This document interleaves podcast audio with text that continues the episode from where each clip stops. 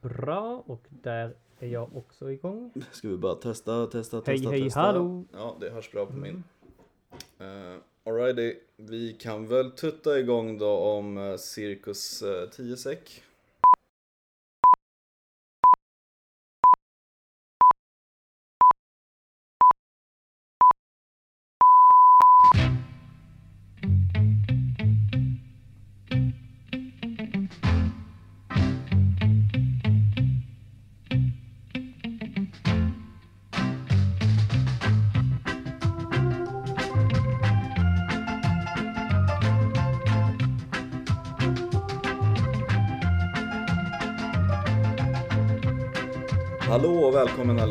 till avsnitt nummer 90 av CSS-podden, den enda Chelsea-podden på svenska.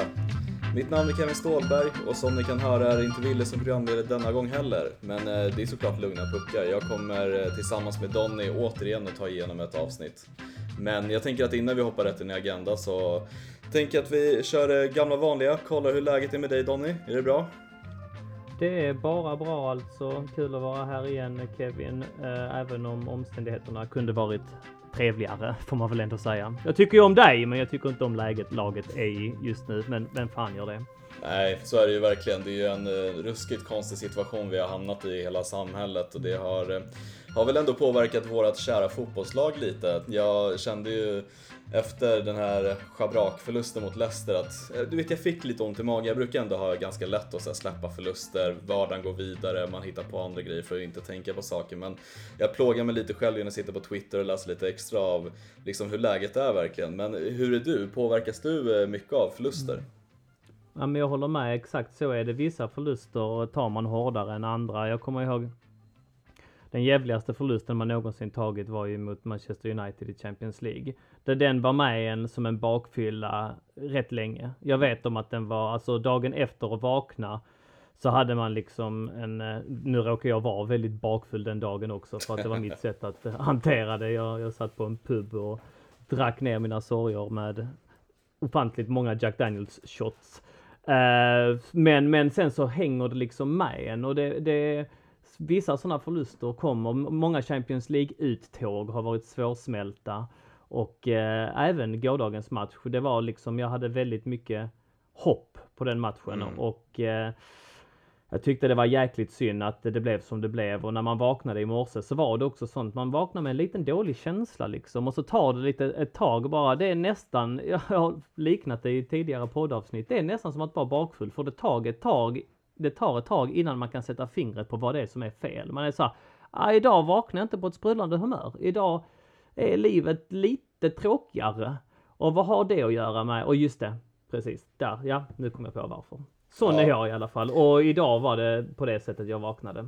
Ja, men jag håller med och det är lite så här, om man nu är lite halvirriterad på morgonen generellt så är det ju snäppet värre när Chelsea har förlorat och speciellt sådana här ja. liksom viktiga matcher där man, som du säger på något sätt, man hade ändå hopp, man hade lite tro. Man går ju liksom in med inställning hela tiden att så här, inför nästa match, ja men det vänder nu, det vänder nu, det mm. vänder nu. Och sen så händer det ändå inte, då blir det nästan ännu mm. värre att vakna upp dagen efter. Men jag tänker att vi kommer ju glida in såklart mycket mer på den matchen. Men innan vi eh, hoppar rätt in i agendan så kör vi det gamla vanliga punkten som jag tycker är ganska rolig. Och nu har vi ändå Donny med oss då som är några år äldre än mig. Jag tycker det är kul att ställa en fråga som har lite, mer, lite längre tillbaka i tiden att göra. Eh, och det är ju såklart på uppstuds, du har inte hunnit kunna se eller läsa på eller något sånt där. Eh, oftast har det handlat om tröjnummer, men eh, numera spelar vi in avsnitt nummer 90 och det är ju ganska svårt att hitta relevanta spelare. Så jag, jag kör med den här frågan istället. John Terry är ju en spelare som, som man hade definitivt behövt på planen idag och om vi stannar kvar vid honom, kan du sätta vilket år han gjorde sin debut och mot vilket motstånd? Oh jävlar. Uh, han gjorde sin debut när jag, uh, när jag uh, intresserade mig för Chelsea så var det i samband med en cupvinnarcupmatch 1998 och då var han med i truppen. Så jag skulle på uppstuds säga att det var 1997. Motstånd vet ej.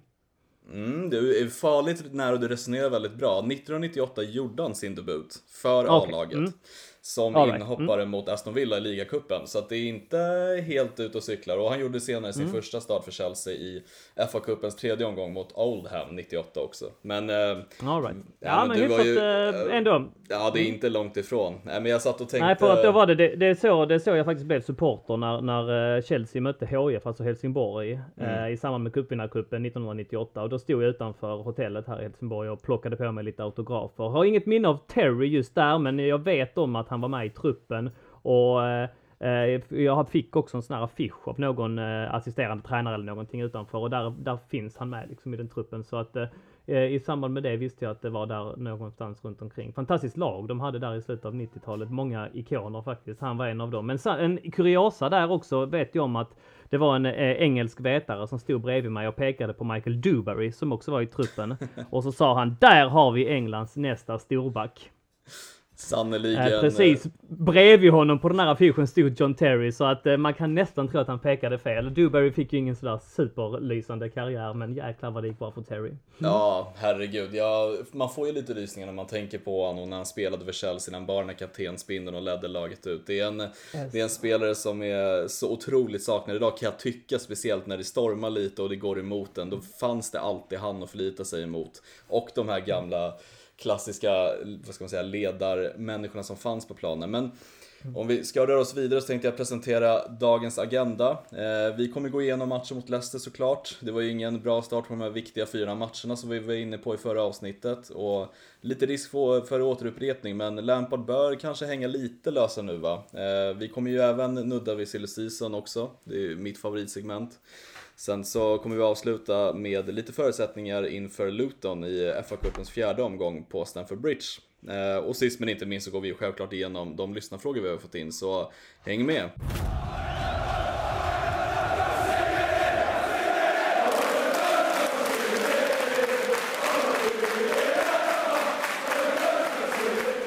Chelsea reste i förrgår till East Midlands för att ta sig an Leicester på King Power Stadium, men eh, fan vad man åkte på pumpen och 2-0 enligt mig är i alla fall vad jag tycker ett resultat i underkant. Och trenden mot topplagen i tabellen bröts inte denna gång heller och enligt mig så tycker jag att det var kanske bland de sämre insatserna defensivt denna säsong. Vad känner du själv efter matchen spontant Donny? Mm, ja, men jag håller med och det är svårt att argumentera emot. Um, det finns många bottnar även i denna matchen och man kan göra olika typer av analyser såklart. Och man hakar upp sig vid en det ena, en det andra. Tyckte redan när man såg laguppställningen att det var en konstig lag, laguttagning. Um, att man ger Leicester så mycket yta uh, när man vet om hur de spelar och hur de vill spela. Att de är ett, liksom ett kontringslag och bra på omställningar och mycket riktigt så släpper man in en omställning till 2-0 målet. Um, Leicester klart värdiga vinnare, men återigen så är det en jämn match vi förlorar och vi förlorar många jämna matcher. Och eh, det hade kunnat se annorlunda ut med lite marginaler med oss. Å andra sidan så kanske vi inte förtjänar de marginalerna heller. Man, men det blir liksom tröttsamt att eh, hela tiden hitta det argumentet och jag vill ändå se optimistiskt på det och måste ändå kunna konstatera att eh, vi har en, en incident som lika gärna kunde bli straffspark. En liknande incident blev straffspark tidigare i, i omgången innan va och den är ju nästan på linjen, kanske på linjen. Jag vet inte riktigt hur man gör den mätningen och får vi straff där så är det ju 1-1 va. Men visst, Leicester har ju omställningar, ribbskott och så vidare.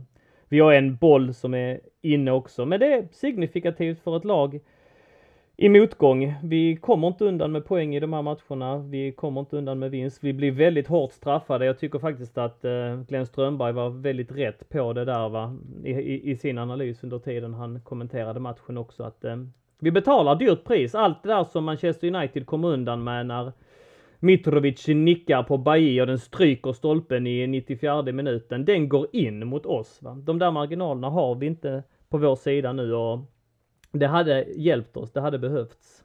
Ja. Samtidigt så spelarna underpresterar, tränaren underpresterar, självförtroendet är i botten. Som sagt, finns mycket att peka på. Vad känner du själv? Ja, nej men det är väl liknande känsla. Jag satt precis och reflekterade över det du sa och jag...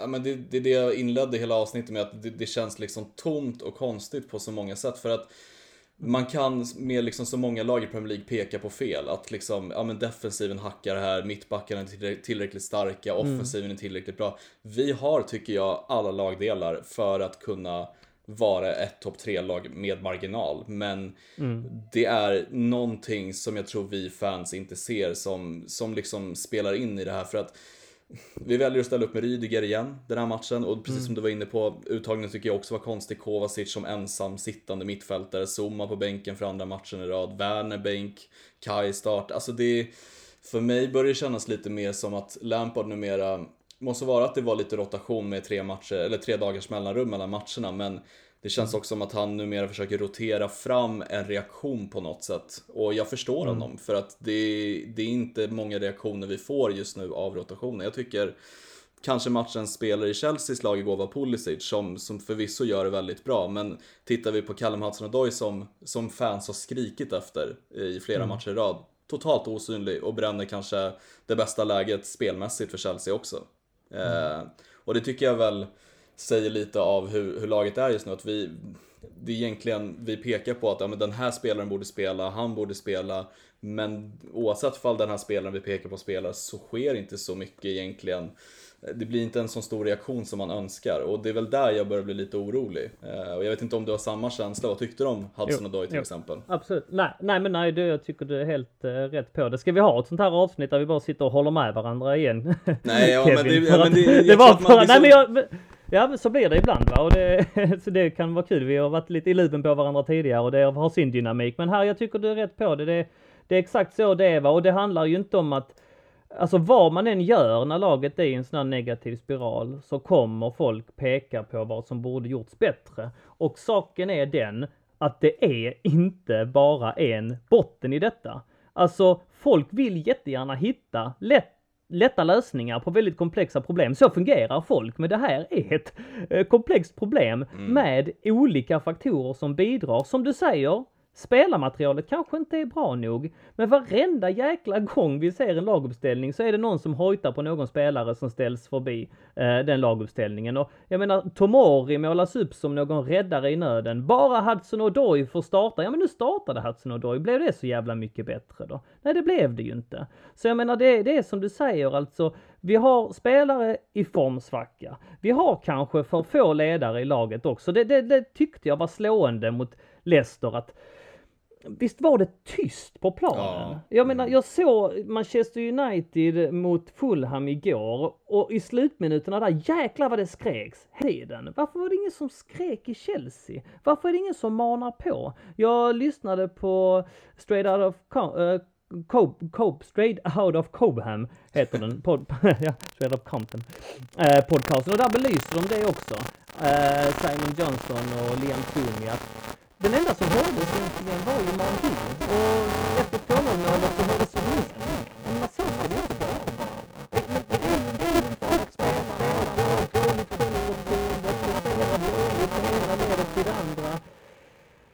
Återigen, mycket oflyt i detta också. Alltså det, det, det har vi. Vi har alla marginaler mot oss flera matcher i rad, men det, det, kan inte vara den enda anledningen. Jag var tvungen att kolla upp detta. Vet du vem som har träffat ramen flest gånger i Premier League mm. i år?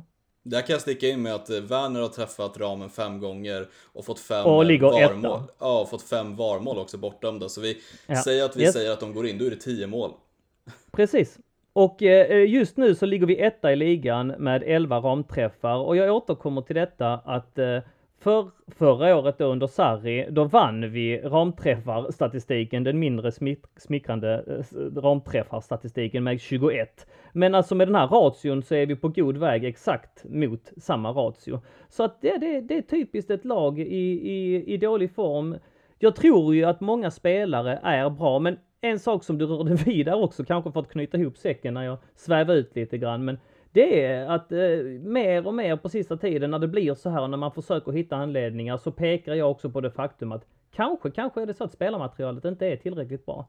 Jag menar att, att jag har tyckt att Tammy Abraham aldrig riktigt har hållit måttet för att vara en anfallare i ett titelaspirerande Premier League-lag. Det har jag tyckt från början och han har inte gjort någonting för att motbevisa mig. Den enda matchen jag tycker att han har varit riktigt, riktigt bra i, det var alltså 5-2 vinsten förra hösten mot Wolverhampton när han gjorde ett hattrick. Det sista målet han gör där, det är ett fantastiskt anfallsmål. I övrigt har han inte imponerat på mig. Han har jättedålig första touch. Han är usel på huvudet och igår mot Leicester eh, Alltså han kan inte slå en, varje anfall stannar på honom. Och det är svårt nog att komma fram liksom till motståndarens till den sista tredjedelen så att säga. Men han liksom zigzaggar sig upp, ibland så är det någon långboll, men då måste anfallaren hålla i den. Om du då har en anfallare som inte ens kan slå en väggpass, ja då blir det svårt, det blir frustrerande. Alla anfall slutar på honom. Mm. Och lika mycket som vi har hyllat Chilwell och Reece James, men Reece James de sista två matcherna han har spelat, jag har varit så besviken på honom. Jag har här gått runt och, och, och, sagt och stoltserat om att vi har liksom Englands bästa högerback och kolla den här grabben kommer vara lagkapten i engelska landslaget sinom tid. Så höga förväntningar jag haft på honom. Jag tror han var sämst på plan igår mot Leicester. Och matchen innan det han spelade, nu har han varit lite småskadad och sådär och, och inte spelat, men matchen innan det mot Arsenal var han sämst på plan också. Alltså, vi har vissa spelare som inte når upp till bra Premier League-nivå just nu, inte ens godkänd Premier League-nivå. Callum Hudson-Odoi som du sa, varenda gång han blir inbytt har han gjort ett hyfsat avtryck. Det är inte så att han har varit eh, supersprudlande fantastiskt, det var vi inne och nosade på igår också. Igår, som du sa, helt borta. Gör ing, alltså, kämpar inte ens, springer inte ens. Så att det, alltså, kanske är det så att spelarmaterialet ska ha sig en örfil också. Mm, ja, men, och speciellt det, det jag tänker man blir så himla frustrerad också för man tänker att spelare som kommer från akademin har ju också det här London-hjärtat i sig, att man liksom, man springer tills liksom sista bloddropp är liksom spiller. Och jag känner också så att det är väl de här spelarna som ska visa karaktärer när det väl går tungt. Jag, jag kommer aldrig yeah. lasta Timo Werner och Kai Havertz för att de ska visa karaktär på att vända en sån här dålig form. Det här är vare sig det är akademispelare som är unga eller inte så tycker jag att det är de som ska avvisa vägen till att få det bättre. Och jag tycker Mason Mount är en sån som verkligen gör det. Fort, fortfarande match in match ut. Han kanske inte var bäst igår, men jag tycker också se mig att mot Fulham har han tagit taktpinnen, han gör mål, han löper konstant mot Leicester. Får inte ut mycket av det. Men jag tycker inte heller se mig James liksom lyfta nämnvärt. Jag tycker, måste Nej. säga Chilwell var jag riktigt besviken på igår och jag har varit ganska besviken på honom de senaste matcherna också för jag tycker han, han började säsongen fantastiskt och jag tycker att han är en fantastisk vänsterback i grunden men mm. Jag, satt, jag hade ju spelarbetyg igår på Svenska fans, jag satt lite extra och punktmarkerade spelarna och jag, jag satt och kollade mm. på Chilwell och jag tror att fyra försök längs vänsterkanten går ut på att mm. han tar för lång tid på sig, försöker lägga den till Pulisic, en spelare täcker eller så blir han tacklad mm. och han filmar, mm. försöker få till en frispark. Det är liksom uppspelsfasen och precis som du säger, jag, jag tror att det, det, är någonting psykologiskt just nu. Det handlar inte om vilka spelare vi kommer spela för uppenbarligen så Hudson gör inget avtryck, Kai kommer in, han är okej okay, men inte mer. Werner har mm. oturen mot sig hela tiden. Abraham är på riktigt var bland de sämsta insatserna jag sett han göra. Och mm. det som stör mig ännu mer med Abraham, som du var inne och nuddade vid lite. Vi har Giroud som är en utpräglad targetanfallare som också har bra passningsfötter. Vi har Werner som är en djupledslöpande spelare. Abraham vet jag inte vad han är, för att han kan inte hålla en, en striker-position, för han flaxar ut mot kanterna konstant. Han kan inte hålla bollen.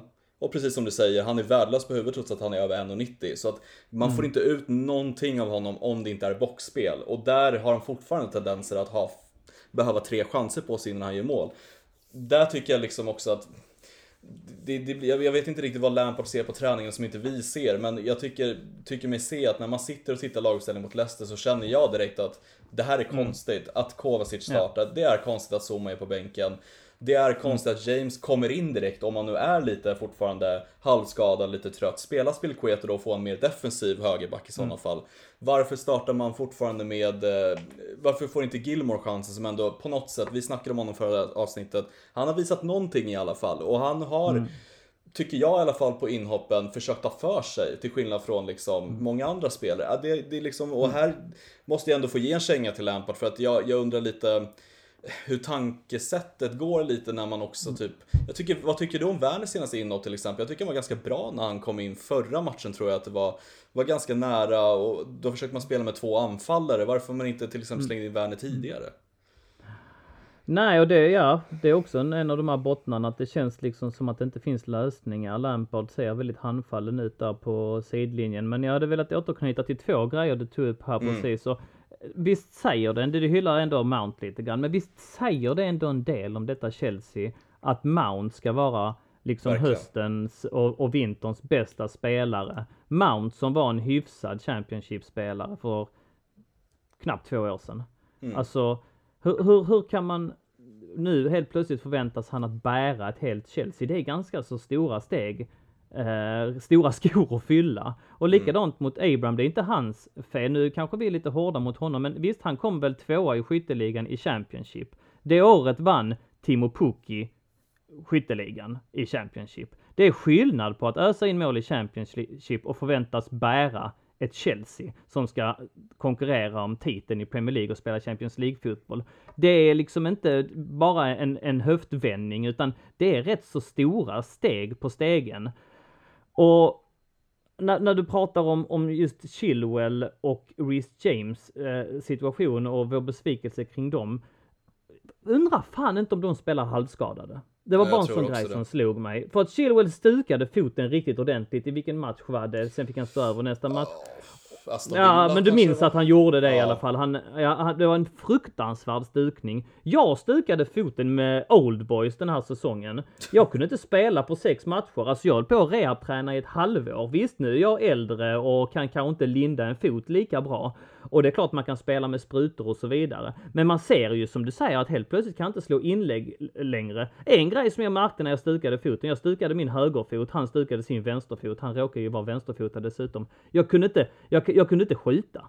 Det går inte att skjuta med en stukad fot. Det gör så jävla ont. Den smärtan sprider sig som eh, en, en, en, en rysning i hela kroppen, som en stöt varje gång du äh, nuddar bollen med foten och sätter lite tryck bakom. Och jag tror fan att han spelar halvskadad efter den stukningen. Och likadant med Reece James, det har pratats om att han eh, skulle knäopereras, att han har liksom något fel på knät. Och dessutom så plågades han emellan Arsenal-matchen och fram tills nu har han inte spelat en match. Och ehm, det berodde väl på en hamstringskada tror jag att de sa. Och Arsenal-matchen var ju trots allt på Boxing Day den 26 i 12. Så att eh, det är liksom nästan en månad. Han gjorde sin första match igår på en månad. Är, är, är han rehabiliterad? Är han eh, helt eh, återställd? Eller spelar de halv... För att så här dåliga är inte de spelarna. Det här måste bero på någonting annat. Nej men och nej, man blir liksom så, så himla liksom ställd för att för mig är det också så när Lampard vill på något sätt få en reaktion av laget så tycker jag att han till exempel tar bort en av de bästa spelarna enligt mig den här säsongen i Kurt Zuma som han har satt på bänken. Den är jag, jättekonstig. och den satt jag liksom och, och snackade med en polare om som är ganska insatt i engelsk fotboll att liksom när vi möter Leicester så har vi kanske chansen i alla fall om vi inte spelar bra på hörnor för att Zuma är en, alltså en beast i luften. Han tar defensiva och han tar offensiva och där kan vi på något sätt attackera vare sig vi spelar bra eller inte. Och jag tycker ju mig vetligen inte att han har väl varit anledningen till den här liksom kräftgången på något sätt. Snarare liksom tvärtom tycker jag han har på ett sätt hållit huvudet ganska högt och Rydiger, vi vet ju vad vi får ut av Rydiger. Det, han kan ju ställa till det när som helst, han är flaxig. Jag tycker han missade ganska mycket igår också i matchen med vissa markeringar och passningar. Eh, Ja. Och, och jag undrar Reece lite... James får ju all skit för 2-0 målet, men alltså Rudiger ska kunna nicka bort den också. Ja, och han halka ser det ut som samtidigt. Det ser liksom, det, det är också lik Christensen vi var in på förra avsnittet. Det är som att Rydiger och Christensen alltid involverade i så här konstiga situationer som inte uppstår när Thiago Silva eller Zuma spelar. Det händer liksom inte på samma sätt. Så att, ja, man undrar lite, men jag, jag tänkte om vi ska eh, röra oss vidare i segmentet där, vi, där, där Lampard nu rapporteras ju vara på ganska allvar ifrågasatt. Jag vet att Romano har ju bland annat varit ute och twittrat om att Chelseas styrelse ska vara ruskigt besvikna på trenden som fortsätter. Matt Love säger att Lampard försöker övertyga Roman Abramovic om att han är rätt man för jobbet. Och vi snackade ju om att vi troligen ser Lampard säsongen ut. Jag tror fortfarande inte det har ändrats, eh, just nu i alla fall. Men de här fyra matcherna som, som var så otroligt viktiga har ju inte börjat jättebra. Hur, eh, hur känner du att status är nu för Lampard? Är det fortfarande same same som vi var inne på tidigare? Jag sa inför, eh, eller i förra podden då va, inför matchen. Vi har ju bara pratat om Leicester-matchen, men egentligen kanske vi borde catch upp lite med Fulham-matchen också. Inte för att Nej. den gick i sådär jättemycket dur i och för sig va, så att vi kan ju bara blåsa över den. Men resultatet fick vi ju med oss där i alla fall. Mot Leicester fick vi inte det. Eh, det är trots allt en resultatbaserad bransch vi eh, pratar om. Och eh, jag sa inför då Fulham-matchen att det är fyra stycken väldigt crucial matcher som står inför dörren. Att det är fyra stycken avgörande matcher vi har framför oss. Uh, nu är vi halvvägs igenom och det kan fortfarande bli tre vinster och en förlust på de här fyra matcherna. Och så långt tror jag, eh, so far so good. Han kommer inte bli sparkad innan dess. Eh, och det vore konstigt tycker jag. Eh, sen efter det så har han ju en, eh, alltså om man bara blickar framåt en månad från nu, så är det, om man skulle få så lång tid, ja. Det, det, det rykt, alltså det som basuneras ut just nu, det är ju alltså som alla säger och som Sky Sports har på sin första sida och så vidare, det är att Lampard kommer bli sparkad om han inte lyckas vända resultaten. Och dö Ja, det fattar vi väl. Alltså så är det. Om det mm. blir så att vi förlorar mot Luton och åker ur FA-cupen, då kommer det heta till ytterligare. Förlorar vi mot Wolverhampton, mycket möjligt. Vi är nog inne i den här kritiska fasen som många tränare hamnar i.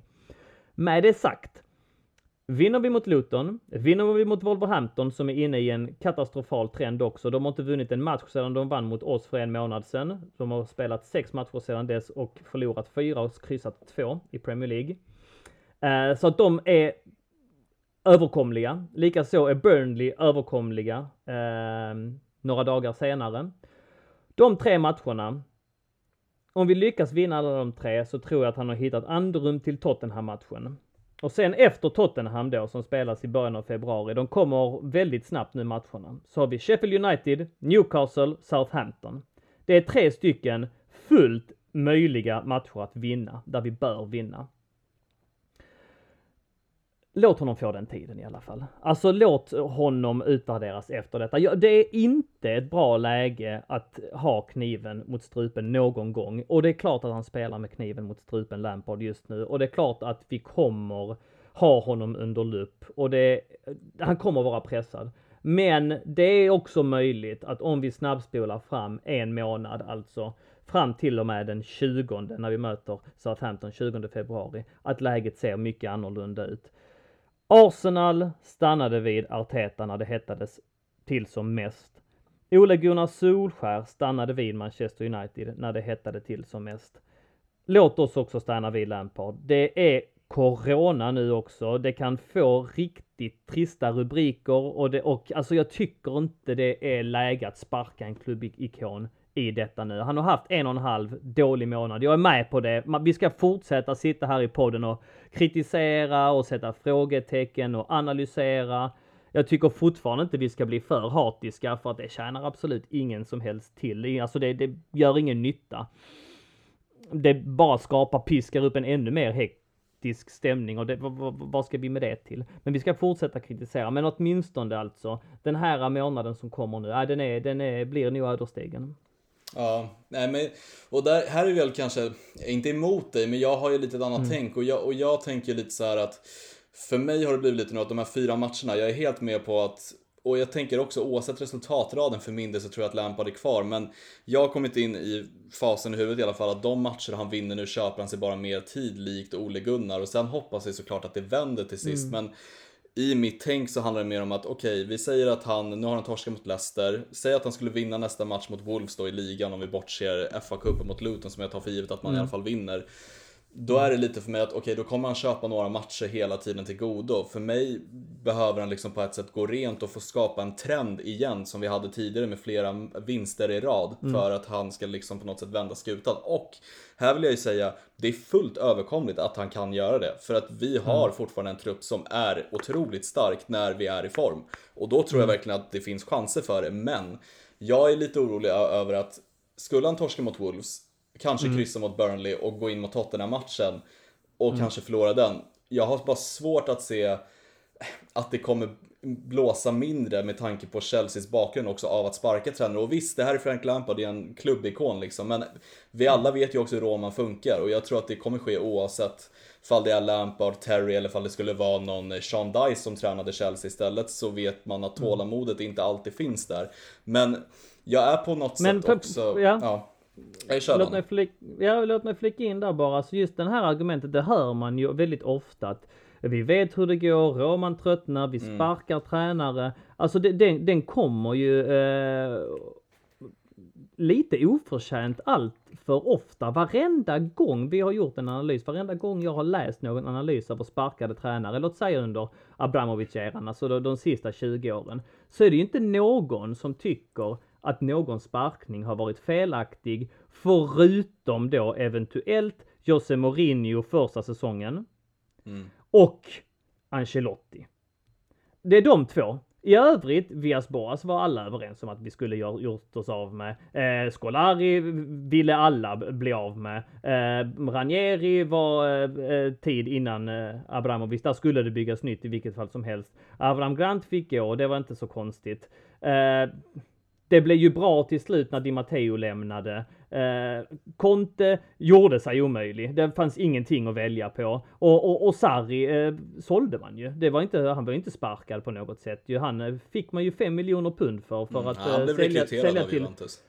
Precis. Som jag sa i förra podden. Sist man, man sparkade en tränare, det var Jose Mourinho.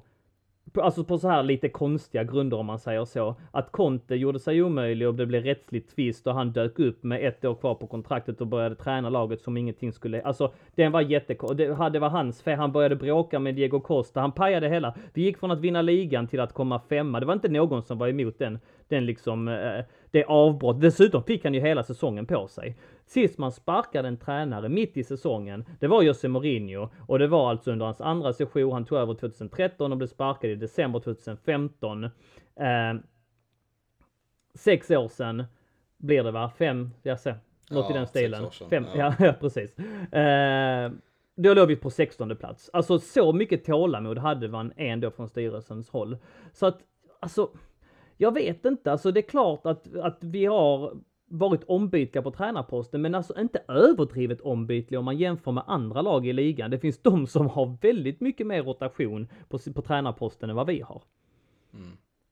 Ja, nej, men givetvis så är det ju verkligen. Men det är ju också av en frukt av att det liksom även mot, om vi bara går tillbaka lite fulla matchen, att man inte kunde se så mycket positiva saker där heller, utan vi hade ju Visserligen Fulham går väldigt starkt, jag tycker de var väldigt bra mot United igår som jag kikade på också, men å andra sidan vi hade en man mer i ja, 45 minuter i alla fall och vi åstadkom ett mål av Mason Mount i ett ganska ja, ett ganska starkt målvaktstabbe av Areola får man ändå säga. Och det, det är liksom snarare mer desperation av att jag tänker bara mer, ser man någon typ av frukt på matcherna, att det händer någonting. Visst, då tror jag att Lampard kommer få den tiden på sig, men så länge det kanske blir, eh, alltså att det inte händer någon reaktion. Det är då jag fortfarande är väldigt orolig över vad som kommer hända. För att jag tror bara att styrelsen vill se någon form av alltså reaktion på att någonting händer. Laget kanske börjar hitta lite triangelspel igen. Vi skapar lite målchanser och har liksom den anstormningen vi har haft tidigare. Och, men samtidigt som du säger, vi, vi ligger fem poäng bakom Liverpool som ligger på en fjärde plats. De är, vi har visserligen en match mer spelad, så det är överkomligt fortfarande att bita sig fast på topplaceringen och ta sig vidare till Europaspel nästa säsong också för den delen. Så jag, jag tror definitivt att Lampard har fortfarande en chans att vända på det här. Men känslan i magen igår efter Leicester bara gjorde mig än mer osäker på om det verkligen kommer ske, att han kommer få den tiden. Och precis som du säger, visst det finns lag som har eh, sparkat betydligt fler tränare än vad Chelsea har gjort. Men vi vet ju också att tålamodet kommer ju inte kunna räcka hur länge som helst. Men eh, det blir det väldigt och spännande det, att se. vi är i den fasen, absolut. Alltså, han är ju närmre och på sparken nu än vad han någonsin har varit tidigare. Och jag håller med om allt det du säger. Och jag tycker fortfarande, som jag sa tidigare, att vi måste kritisera. Alltså det, och det finns frågetecken kring hans taktiska kunnande, kring hans eh, managerskills och, och det ska det fortsätta göra, speciellt när det ser ut så här. Och mot, mot Leicester blev jag förvånad för att jag ändå tagit hans rygg och försökt försvara det här laget. Men varför ställde man upp så? Varför var det så mycket ytor mellan lagdelarna? Vi vet väl att Leicester är bra på att kontra som jag sa innan. Varför ger vi dem den chansen då alltså? Jag såg Såg du den här Madison-intervjun som han blev så hyllad för efter matchen? Ja, jag läst lite om det, men du får gärna återupprepa Mm. för även lyssnarna också. Ja, nej men då säger Pissmyran, eh, skämt åsido, Madison är, alltså han är ju en fantastisk spelare, men just nu så stör jag mig på honom. Men han säger ju någonting som är helt rätt. Han säger, eh, fan nu hittar jag inte citatet här, men eh, strunt i det. Något i, i stil med att vi vet om, eller vi visste om att eh, Chelsea skulle switcha off eh, på fasta situationer. Ah, okej, okay. varför vet de det? Alltså det retar mig att inte Lampard gör sådana taktiska analyser. Och så sen så sa han, eh, ja men det verkar, kommentatorn frågade honom, det verkar verkligen som att Eh, ni kämpar för varandra, att alla springer fram och alla springer tillbaks och ni täpper till ytor och ni verkligen sliter för varandra där ute. Och då svarar han med något, något i stil med att ja men you don't play for Brendan Rogers if you don't do the dirty work. Och här har vi Hakim Ziyech som eh, spelade bort bollen, låtsades halka, lät Kante springa hem helt själv när Manchester City gjorde sitt tredje mål eller vad det var. Vi har liksom en Hudson Odoi som ständigt fuskar i defensiven. Vi har oceaner mellan lagdelarna. Man, som du sa innan Kevin, ta åtminstone hemjobbet. Alltså helt plötsligt börjar jag sakna Pedro. Jag fattar att en sån som Pedro var uppskattad av tränare. För jävlar vad han sprang kilometer på en match alltså. Han lät aldrig sina ytterbackar stå själva. Han gav dem alltid understöd och hittade tillbaks. Varför kan vi inte piska upp en sån stämning? Och det, som sagt, där tror jag att det är någonting som, som Lampard ansvarar för. Och, och mm, det gör mig, jag håller med där, det gör, det gör mig orolig. Jag tycker fortfarande inte det är fog för att sparka honom, speciellt inte nu. Men ja, jag är med på det. Det är oroväckande att säga det faktiskt. Nej men och, och här är jag också en brygga över till vad jag kanske har typ viftat mest om i CSS-podden-gruppen och i andra diskussioner. att jag väljer att inte hänga Lampard helt och hållet. Jag, visst, han är tränare, han är ansvarig för det absolut sista, men jag tycker att laget i sig behöver skapa den reaktionen själva. Det enda han kan göra är att byta ja. spelare, byta taktik, formationer. Men det är ju helt och hållet upp till spelarna att visa någon form av reaktion. Jag tycker att laget bör hållas lika ansvarig som tränaren, för att precis som du säger, visst, William var kanske inte den mest älskvärda spelaren, likaså Pedro och Diego Costa mm. var en gris i andras ögon. Men helvete vad de sprang hem. De ja. visste hur man jobbar defensivt, de visste hur man täcker upp lagdelarna, hur man täcker upp sin ytterback. Pulisic var fantastisk offensivt igår. Där kan man i alla fall räkna med att han kan stanna kvar. Hudson Odoi som du säger var sen i varenda, varenda löpning hem för att täcka upp åt James. Vi startar också vårt innermittfält med Kovacic som i grund och botten tycker jag är en tvåvägsspelare mycket högre upp ja. än som en mm. sittande mittfältare. Mm. Kai Havertz som springer runt som Bambi på halis och Mason Mount som får täcka upp ytorna för de här två spelarna. Medan vi möter då Thielemann som jag tycker är en fantastisk fotbollsspelare i Leicester, Madison tar väl det offensiva och NDD som kanske är typ den bästa defensiva mittfältaren i hela Premier League. Det är väl klart att de mm. kommer käka upp vårt mittfält. Om vi inte har en defensiv utgångspunkt, då måste vi kanske byta formation på något mm. sätt. Eller få in en defensiv pjäs. För Kovacic, mm. fantastisk passningsfot. Men vi vet också att han är inte världens starkaste mittfältare. Han är inte världens starkaste defensiva mittfältare heller. Men vi vet att han kan springa upp och ner, men då ska han göra det högre upp. Och redan där tycker jag matchen är liksom mm. förlorad på förhand när man ser NDD bara liksom eh, trassla bort spelarna och för den delen också göra mål på hörna i någon jävla markering som var helt vilsen. Det fanns ju ingen där. Nej, så är det. Och, och de här spelarna som du, alltså Kovacic exempelvis, det vet vi om att han är en bra spelare om allting eh, fungerar. Va? Om det är ett självspelande piano och han kommer in i en rytm där, där allting liksom stämmer. Då kommer han bidra och då kommer han kunna göra väldigt bra matcher. Men han är inte den spelaren som heller rycker med sig de andra och gör de andra bättre. Det skulle de här nyförvärven, de här sex nyförvärven vara. De skulle liksom ta de andra spelarna till nästa nivå. Det har vi suttit, eller jag har suttit här och, och nästan utgått från att det skulle bli så att vi etablerar, att vi värvade så pass etablerade spelare så att de skulle gå in direkt och höja nivån eh, på de andra spelarna. Och ja, det kanske var naivt. Eh, det kanske är fortfarande så att jag menar, vi har bara kommit halvvägs så det kanske är så att det, att det kommer bli så att att de kommer hitta den nivån så småningom och att det kommer lyfta hela laget. Men jag menar det är klart att, eh, ja, att det, det, ser inte bra ut och man är ju mycket oroligare nu än vad man har varit tidigare. Och som vi säger, bara för att knyta ihop säcken. Lampard eh, sparkningshotad, ja alltså det får inte bli mycket sämre än så här. Det, så är det han har inte, han kommer inte få all tid i världen och det kan fortfarande bli sämre. Jag menar, vi pratar om de här matcherna som är framför oss. Det är mycket möjligt att vi åker ur FA-cupen, att vi förlorar mot Wolverhampton och ja, det kanske räcker. Det kanske blir i så fall sista spiken i kistan. Det är ju alltså Samtidigt måste man ju ge honom att han försöker. Det är konstiga försök och det är mm. försök som jag inte håller med om. Men, kommer du ihåg under Sarri som vi klagade på att allting var förutsägbart? Mm. Alla spelarna hade sådana strikta roller, det var för kontrollerat, det var liksom strikta, tydliga ramar. Eh, som jag sa, förutsägbart. Man visste om att Barkley skulle bytas ut i 65 mot Kovacic. Inga ungdomar. Nu klagar vi på att det inte finns någon spelidé. Nu vill vi ha ramar. Nu är det för hattigt i laguppställningen. Eh, det kanske är för många spel, alltså för många ungdomar som spelar. Kanske fel på spelsystemet. Jag vet inte. Alltså samtidigt i allt detta, det är fan inte lätt. Det, alltså det är, och det kan reta mig med dagens liksom Twitter-supporterskap, där, där alla ska formulera vad felet är bara på en mening. Så jävla lätt är det inte. Det här är mer komplext. Lampard står där och försöker. Han gör inte detta på jäkelskap. Vi kommer fortsätta sätta frågetecken. Som sagt, vi vill inte bara liksom rabbla och, och, och, och traggla i all evighet. Men eh, ja, det är tyvärr där vi står. Framtiden får utvisa.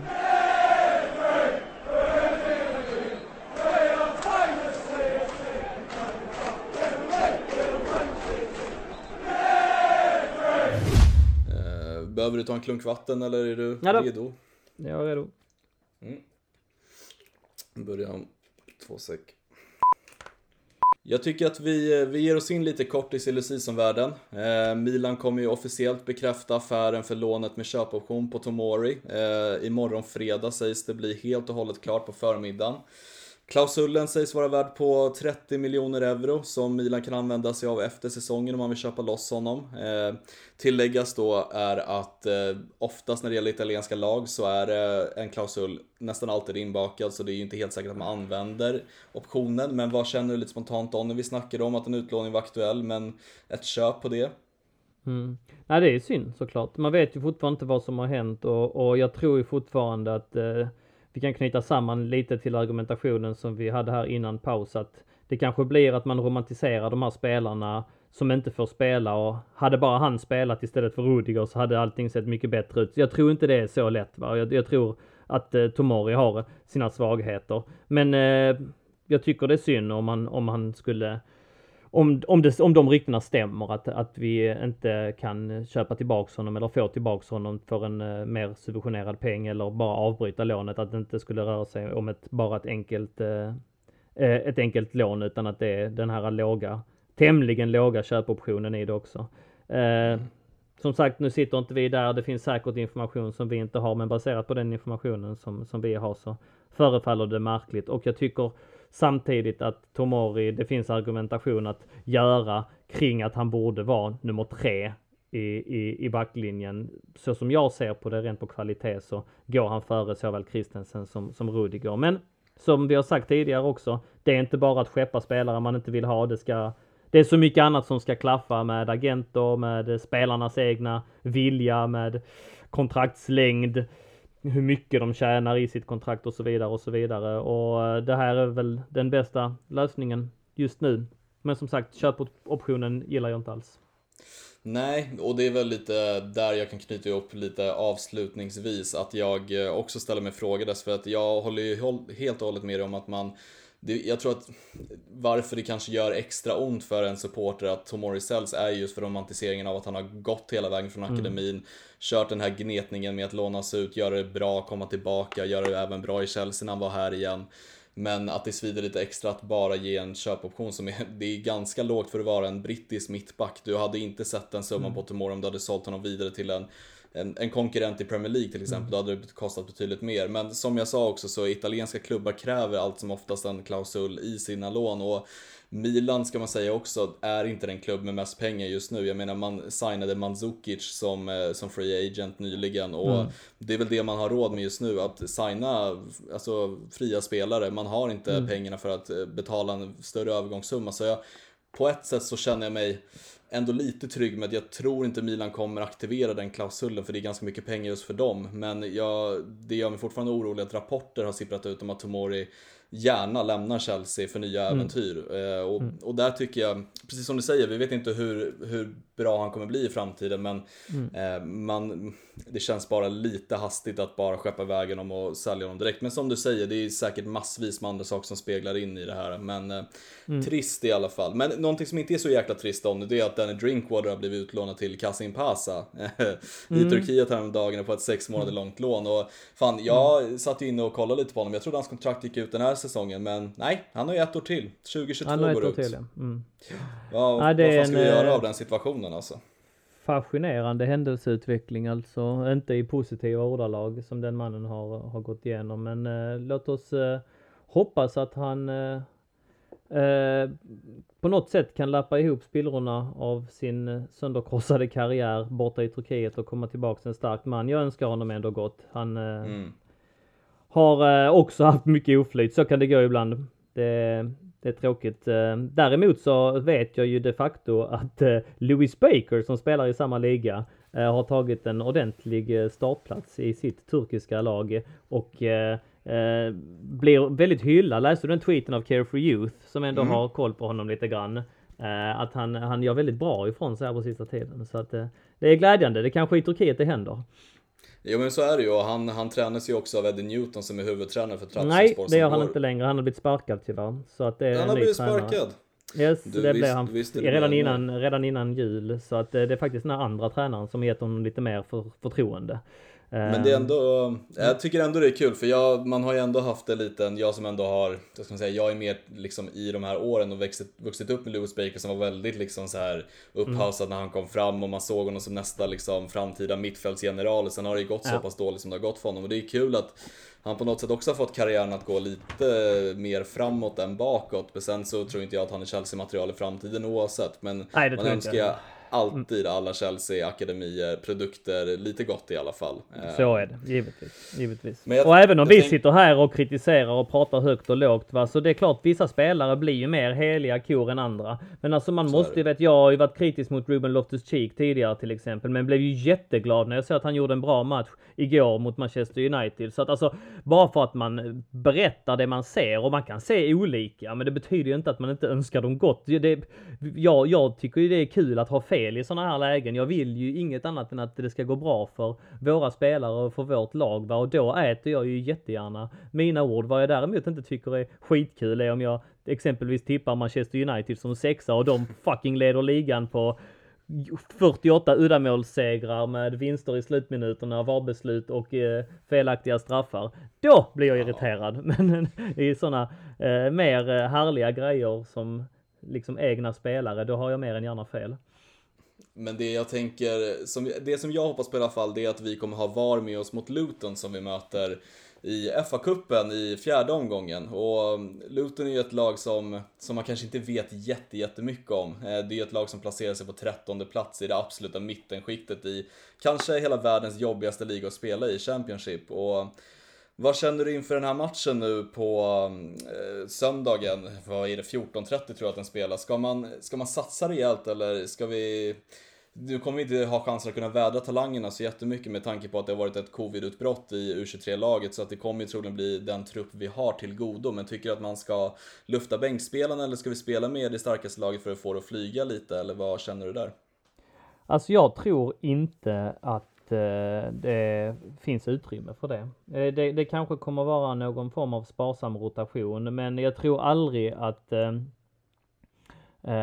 att drämma in ett helt gäng akademispelare någonsin var på tapeten ändå. Det såg vi ju mot Morecom också, att det var några stycken som var mm. med i truppen, men knappt någon som tog sig in på bänken och det har vi också diskuterat tidigare. Det finns nog olika anledningar till det. Men, men eh, en av de främsta anledningarna är att man inte vill förlora i detta läge man är i. Man, man tar detta och det sa Lampard också på en presskonferens att man tog detta som en, en träningsmatch och det var ingen disrespect mot uh, Morecom sa han, men det är det ju. Såklart. Uh, ja men det blir det ju. Det är så härligt när folk säger with no disrespect och ändå disrespect. ja, ja. Det är underbart. Ja, men alltså, men alltså det var ju, och, och då får man anamma sparsam rotation och visst hade det varit konstigt om man tog in liksom Livramento eh, på vänsterbacken istället för Emerson. Alltså hur, hur hade Emerson känt sig i det läget? Alltså det hade ju förmodligen eh, kunnat störa upp ännu mer aggressioner i den truppen som vi ändå försöker fokusera på just nu. Alltså att den bottnen finns där också. Dels att man vill mönstra ett starkt lag, men dels att man vill försöka kanske ge lite minuter till de som tränar bra, förtjänar det, men som av olika anledningar inte har kommit in i A-laget och då gör man ju det, eller i, i första elvan i alla fall. Och då ger man ju hellre de minuterna i läget som det är just nu. Um, till de spelarna som är lite mer etablerade i truppen men som fortfarande inte får minuter. Så att jag tror inte vi kommer få se liksom svängdörrar i truppen. Jag tror att man kommer ta detta på ganska stort allvar. Men det är givetvis så att Luton ska städas av. De gör ju sin andra säsong i Championship, blev ju uppflyttade inför förra säsongen och eh, som sagt kom 19, kom på 19 plats förra året. Eh, ligger i mitten nu va, men det är inget, det är inget bra lag så att det är eh, en bra chans att mönstra ett hyfsat starkt lag. Inte, alltså prova lite nytt men inte allt för mycket och ändå göra en bra insats för att komma starkt in till Wolverhampton på onsdag.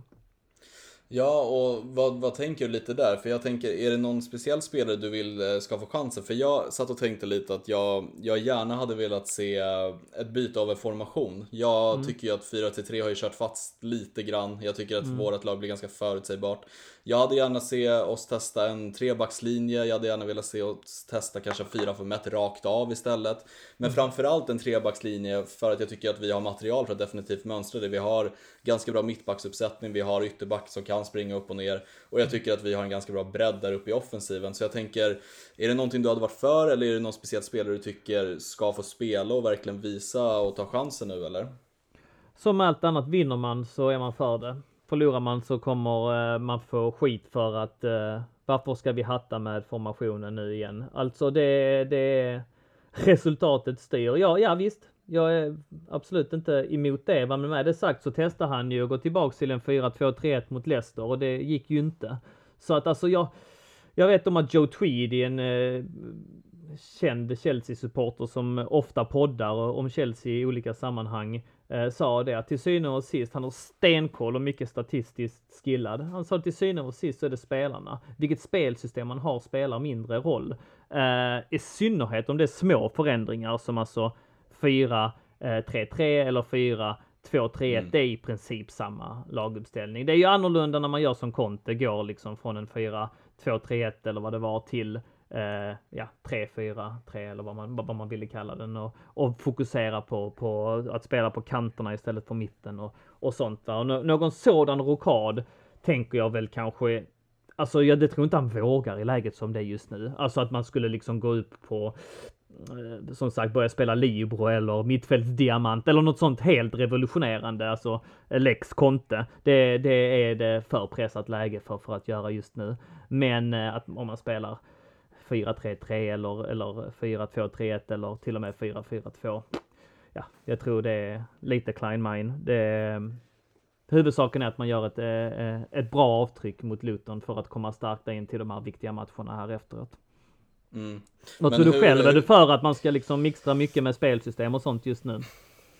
Alltså mixtra med spelsystem, ja nej men jag hade ju inte blivit dödledsen om vi hade bytt till en trebackslinje. Jag hade gärna nej. velat se att någon typ av reaktion hjälper. Jag vet att det, det, finns flera lag som, som man kan peka på som har bytt formationer. Det har hänt någonting i alla fall. Eh, jo, jo. Ta Arsenal till exempel som har gick från en trebackslinje i början av säsongen till en fyrbackslinje mm. och tagit in massa unga talanger och det har gått bra för dem. Alltså, det är klart att det kan hända och det behöver inte betyda att det funkar jättebra på Chelsea, men jag hade i alla fall på något sätt velat se att spelare tar chansen på något sätt och kanske, alltså det, det, är så svårt. För mig är det lite som dig också, att jag vill bara se en reaktion oavsett hur ja. vi spelar. Jag vill bara se spelare ta chansen och för mig kvittar det om Lampard skulle göra det med två backar eller en back eller tre backar.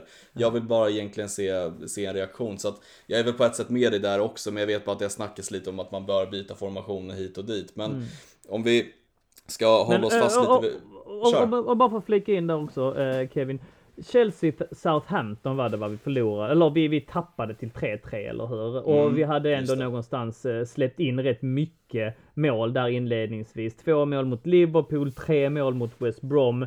Där någonstans hände det va, att, det- som jag, som jag tycker att jag jag, som jag, blev så, jag blev så nöjd och glad över att se det, för att jag tycker att en bra tränare ska kunna gå tillbaks till grunderna. Och det brukar man, jag kommer ihåg när det, det liksom stormade när Hiddink kom in och bara nej, fan nu, nu behöver vi inte hålla på och eh, klacksparka oss eh, som Filippe Scolari vi ville och vi kunde vinna matcher med 5-2 och vi kunde släppa in fyra mål.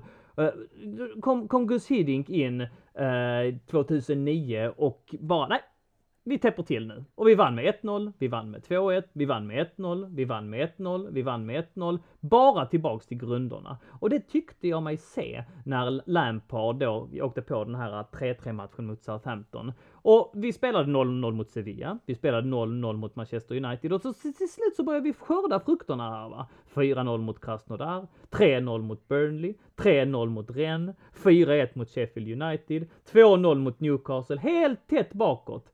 2-1 mot Rennes, 0-0 mot Tottenham, 4-0 mot Sevilla, 3-1 mot Leeds.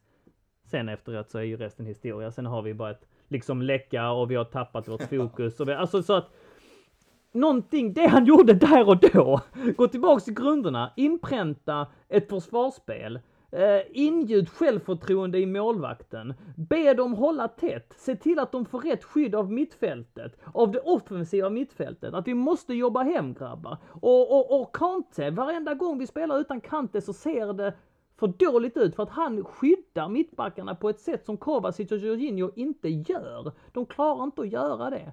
Så att, fuck, vad man än gör nu de här mot Luton, mot Wolverhampton, gå tillbaks till grunderna. Det handlar om att inte släppa in mål, att täppa till ytor. Jag tror att det är, det är mitt amatörråd, vad fan vet jag å andra sidan. Men alltså det, det hade jag velat se. Fattar du vad jag menar? Mm. Ja, 100 procent. Jag, jag ryggar dig alla dagar i veckan och jag vill gärna rygga en laguppställning från dig också lite snabbt innan vi går vidare. Har du något på uppstuds som du känner som du kan hafta ut? Ja, snälla, i den här argumentationen om att sätta ett försvarsspel, låt det bli med Thiago Silva och Zuma. Och låt det bli med skadefria spelare. Är det så som jag misstänker att det är, det här har jag inte läst, det här är bara en helt egen analys, att både Chilwell och Reece James spelar småskadade eller halvskadade. Nej, men spela då med Emerson och, och Aspilicueta istället. Så mycket sämre kan det inte vara. För att så dålig som Reece James är, återigen, missförstå mig rätt, jag älskar honom. Är det någon som har hyllat Reece James så är det jag. Jag tror fortfarande att han har en väldigt hög potential. Men så dålig han var mot Leicester och så dålig han var mot Arsenal. Ge bort den straffen där, herregud. Nej, alltså Ställ då honom över. Jag vet om att Aspilicueta har tappat, men han gör åtminstone jobbet. Och Emerson, så usel är han nog inte. Låt honom få chansen då också. Och försök sätt den fyrbackslinjen. Och så sen liksom tjata in på dem att ni måste åtminstone springa. Kämpa för tröjan. Ja, då tror jag att, då, då tror jag att vi, vi, vi kan vända på detta. Eh, den Ja, fyrbackslinjen, sen får du ta ut mittfältet anfallet. Ja, nej, men jag ryggar den backlinjen alla dagar i veckan. På mittfältet vill jag också bara back to basics. Är Kanté skadefri, då spelar han defensiv mittfältare enligt mig. Yes. Sen vill jag att vi har på det inre mittfältet, ja, Mount, visst behöver han vila, vila honom, men annars så vill jag se Mount och jag vill se Kovacic. Jag vill se tre ganska vana mittfältare spela med varandra igen. Ehm, jag vill, liksom Havertz kan komma in, han kan spela som mittfältare i ett inhopp eller hoppa in på en ytter, whatever. Jag vill se rutin. Jag vill se Kevin. rutin i det här laget igen. Om jag säger Kante, Kovacic, Havertz och så flyttar vi upp Mason Mount på det offensiva men mittfältet visst. igen. Kan inte Absolut. det, alltså det, det blev så, det funkade i början av säsongen. Sen så Ja, skulle vi helt det- plötsligt mixtra så skulle han bli, nu, nu bara anta för alla att han är en central, men han klarar att spela på offensiv ytterposition också. Och är det någon som kämpar för tröjan och tar sitt jobb hem och ger det understöd som vi pratar om till ytterbackarna, ja då är det ju han. Ja, nej men visst, låt han ströva fritt från en kant. Jag har absolut inget problem med det heller. Och sen vill jag se Pulisic på en kant. Mm. Och jag vill se Werner i mitten. För Giroud har ju varit lite småskadad vet jag enligt rapporter. Därför var han inte heller med i truppen mot Leicester. Så att Precis. Werner, Mount, eh, Pulisic eller Ziyech. Jag skulle säga att Ziyech nästan får börja på bänken. Jag tycker inte han var bra senast. Jag tycker inte han har varit bra sedan han var tillbaka från skadan heller. Så att Nej. jag vill se rutin i det här laget. Jag vill se spelare som är vana att spela med varandra och styra upp det här nu. Så att eh, en, en rutinerad startelva. Grymt. Då är den tagen.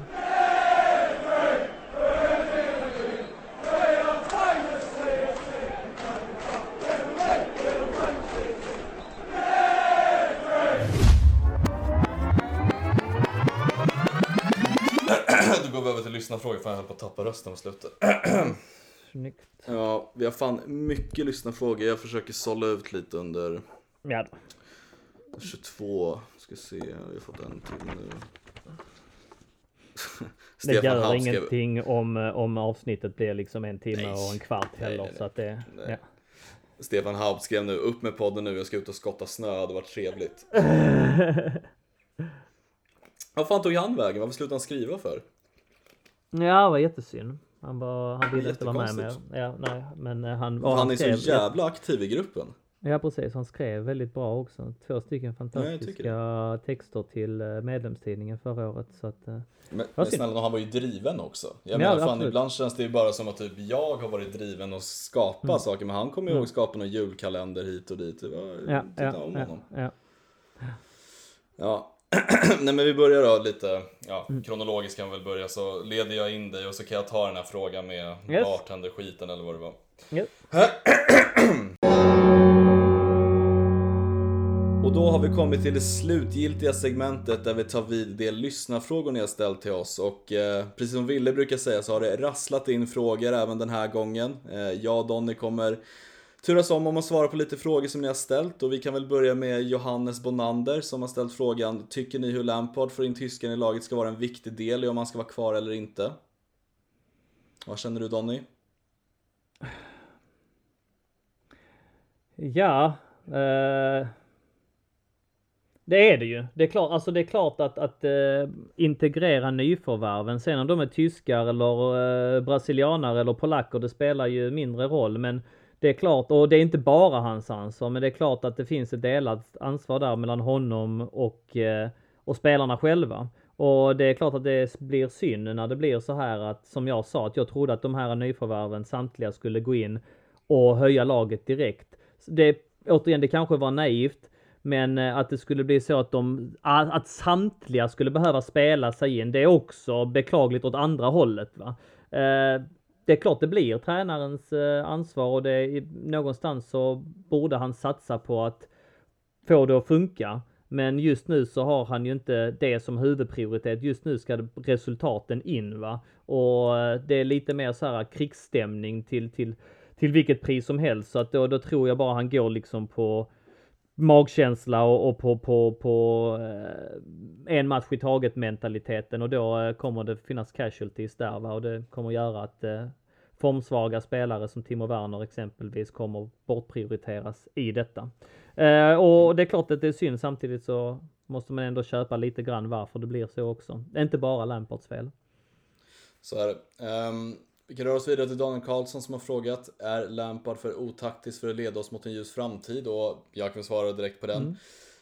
Absolut, det, finns väl något fog i att han kanske inte är eh, den mest rutinerade tränaren, kanske behöver slipa på sina taktiska förmågor som fotbollstränare. Men jag tror, definitivt, alltså, jag tror, jag vet definitivt att han har visat flera matcher idag där han har gjort taktiska saker som har förändrat en match. Jag minns Arsenal-matchen så bytte han ut Emerson i 35 minuten. Det är bara frukt, vi vann den matchen till sist. Vi har eh, mött lag med trebackslinje med att kontra med att spela en trebackslinje. Det har gått bra i de matcherna. Så jag tycker absolut att det finns en taktik och en hjärna i Lampard. Jag tycker han får ganska mycket skit för hela den här perioden. Jag tycker snarare att det handlar just nu mer om spelarna än Lampard och taktik hit och dit. Utan det handlar om att sätta grunderna och där tycker jag definitivt att laget i sig har ett ansvar som ett kollektiv snarare än att Lampard ska på något sätt jaga, jaga ifatt dem och att de ska ta ansvaret själv. De behöver visa på planen att man spelar för klubbmärket och ingenting annat. Så att summa summarum, ja jag tycker Tycker inte att han är tillräckligt otaktisk för att leda oss mot en ljus framtid. Jag tycker han har eh, den taktiska hjärnan med sig.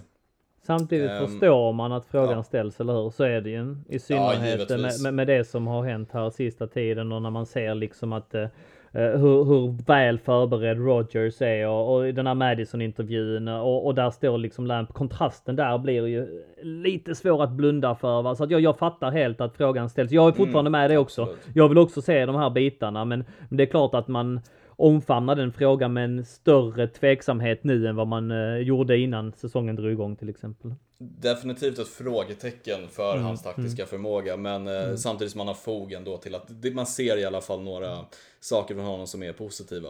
En Ehm. grej i det också Kevin, nu vet jag om att du vill gå vidare och att vi närmar oss timmen här, men ja det får bli en timme och 20 minuter idag. Kör. Men en, en intressant aspekt är att halva säsongen har gått och vi inte vunnit mot något lag på topp 6. Det laget det är som är bäst placerat eh, som vi har vunnit mot det är ju West Ham. Och de, de ligger sjua och, och den matchen skulle vi inte ha vunnit.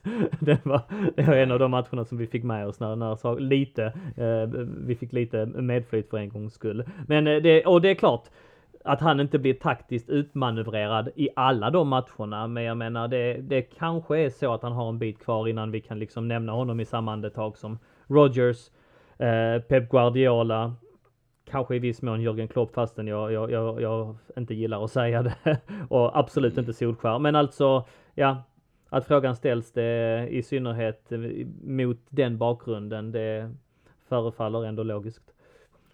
Så är det verkligen. Och Christian Wester har frågat, eh, vår oförmåga att i slutet av matcher trycka på för att göra mål, det enda vi gör är att passa bollen mellan backarna. Varför tror ni att det inte finns någon desperation där vi fyller på i straffområdet och skickar in inlägg? Vi kan skicka över den frågan till dig Donny. Ja, nej, men det är en självförtroendefråga. Ingen vill göra fel, ingen vill eh, se dum ut. Den enda som vågade lite grann mot Leicester som du var inne på tidigare och så var ju Christian Pulisic och han har en förmåga att snubbla på sista dragningen och det är också en sån självförtroendegrej, va? åtminstone försöker han. Men när Werner kom in, var Reece James hade bollen, det var i alla fall vid två tillfällen han drog en jättelöpning och inte fick den. För att Reece James vågar inte slå den. Och folk vågar inte slå bollar i djupet, de, de är rädda att vi ska få en kontring mot oss och allting spelar, alltså allting vävs ju samman för lag som är i negativa trender. Vi säger ja men det är jätteviktigt att täppa till och det försöker de göra. Samtidigt så måste man ju ha den där balansen i huvudet att selektivt kunna våga när chanserna ger och sätta den där bollen på djupet och slå det där